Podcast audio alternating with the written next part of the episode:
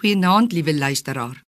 In Johannes 15:5 lees ons: Wie in my bly en ek in hom, hy dra veel vrug, want sonder my kan julle niks doen nie.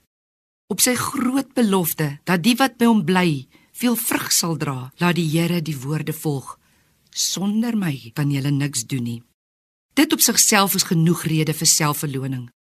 Ons oorgeerfde natuur is immer so verdorwe dat daar in ons vlees niks goed woon nie. En nog erger, dit bring ons vlees in vyandskap met God.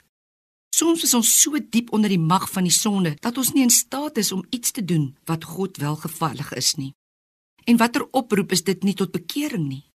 Hoe dikwels het ons gedink dat ons in staat was om te doen wat goed is? Hoe dikwels het ons gedink dat ons besig was om onsself beter te maak? Laat ons die woorde van Christus sonder my kan julle niks doen nie onthou en onsself bewuslik daarop instem om voortaan net op hom te steun. En dit is mos niks anders as stof tot dankbaarheid nie.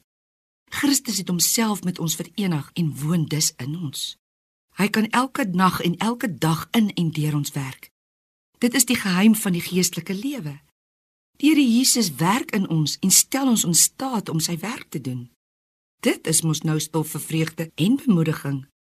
Alles wat in die Christelike lewe vir my te hoog en onbereikbaar geskyn het, dit alles sal Christus in my werk. Ek het net een verlange en dit is om absoluut op hom te steun, om vir my te sorg en deur my te werk. So dikwels as ek onthou, sonder my kan jy niks doen nie, onthou ek ook wie in my bly. Hy dra veel vrug. Hy sal self daarvoor sorg dat hy in my plek bly en ek in hom. Dit is prys die Here die groot werk waartoe die Heilige Gees my in staat sal stel. God dank vir die lewe van Christus in my. Ek in hom, hy in my.